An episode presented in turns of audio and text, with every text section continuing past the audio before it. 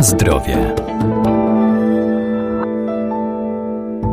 Nabiał to najpopularniejsze źródło wapnia, a przetwory mleczne stanowią podstawę polskiej kuchni. To m.in. żółte sery oraz mleczne napoje fermentowane jak kefir czy też maślanka. Co warto o nich wiedzieć?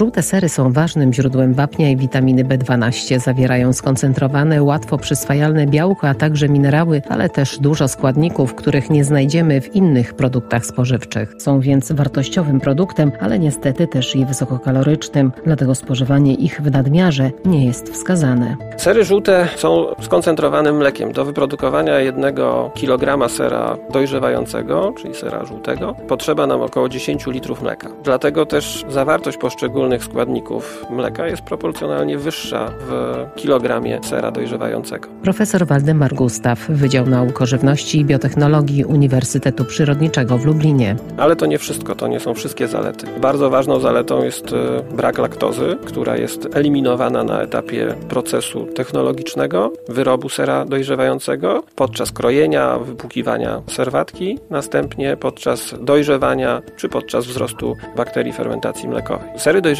zawierają dużo składników, których nie znajdziemy w innych produktach mlecznych, które powstają właśnie na etapie dojrzewania. Tymi składnikami są przede wszystkim bioaktywne peptydy. Wytwarzane są one z białek. Są to po prostu fragmenty białek. Do ich wytworzenia potrzebny nam jest udział enzymów pochodzących zarówno z mleka, jak i dodanych na etapie krzepnięcia podpuszczkowego, jak i enzymów wytworzonych przez drobnoustroje e, dodane do mleka w czasie produkcji serów dojrzewających. Te bioaktywne peptydy mają bardzo wiele różnych właściwości. Między innymi przypisuje mi się właściwości ograniczające łaknienie, są też peptydy obniżające ciśnienie tętnicze krwi, są peptydy mające właściwości narkotyczne, łagodzące ból i wiele, wiele innych właściwości przeciwdrobnoustrojowych, przeciwwirusowych. Następny taki charakterystyczna cecha dla serów dojrzewających to zwiększona zawartość e, wapnia, która która wynika przede wszystkim z tego, że ser dojrzewający jest, tak jak mówiłem, skoncentrowaną formą mleka, a po drugie do prawidłowego wytworzenia skrzepu podpuszczkowego potrzebny nam jest wapń i na etapie produkcji do mleka dodaje się związki wapnia po to, aby proces e, krzepnięcia podpuszczkowego przebiegł. Na zdrowie.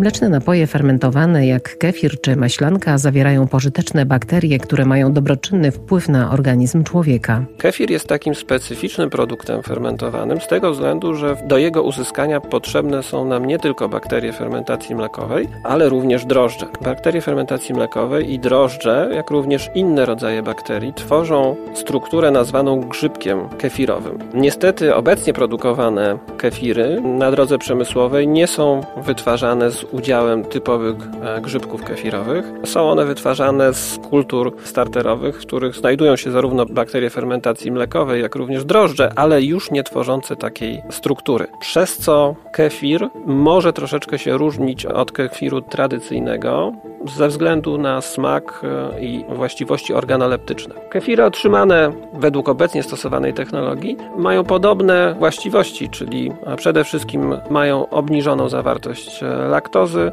mają częściowo rozłożone białko, czyli to białko będzie dla nas lepiej przyswajalne. Są zakwaszone, czyli zawierają kwas mlekowy, przez co będą produktem łatwiej strawnym dla konsumentów. Te tradycyjne kefiry charakteryzuje jeszcze jeden bardzo ważny czynnik, czyli obecność kefiranu, takiego polisacharydu wytwarzanego przez grzybki kefirowe, któremu przypisuje się bardzo wiele właściwości prozdrowotnych, między innymi nawet właściwości antynowotworowe. Maślanka, którą kiedyś mogliśmy dostać, to był produkt uboczny produkcji masła, czyli to, co nam zostało po oddzieleniu tłuszczu od mleka, w zasadzie od śmietanki czy śmietany. Obecnie mleczarnie produkują maślankę wykorzystując bakterie, które wyizolowano z zakwasów maślarskich i przy ich pomocy fermentują mleko do napoju fermentowanego. Czyli znów zużywana jest, podobnie zużywana jest laktoza do kwasu mlekowego. Konsystencja zmienia się z płynnej na, na bardziej gęstą, przy czym są tutaj wykorzystywane, tak jak wspominałem, inne bakterie niż w przypadku jogurtu czy kefiru.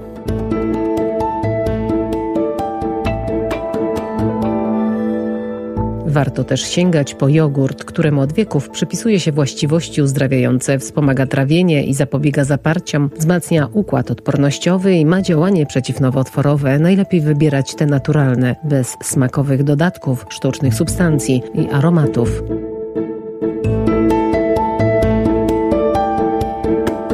Na zdrowie.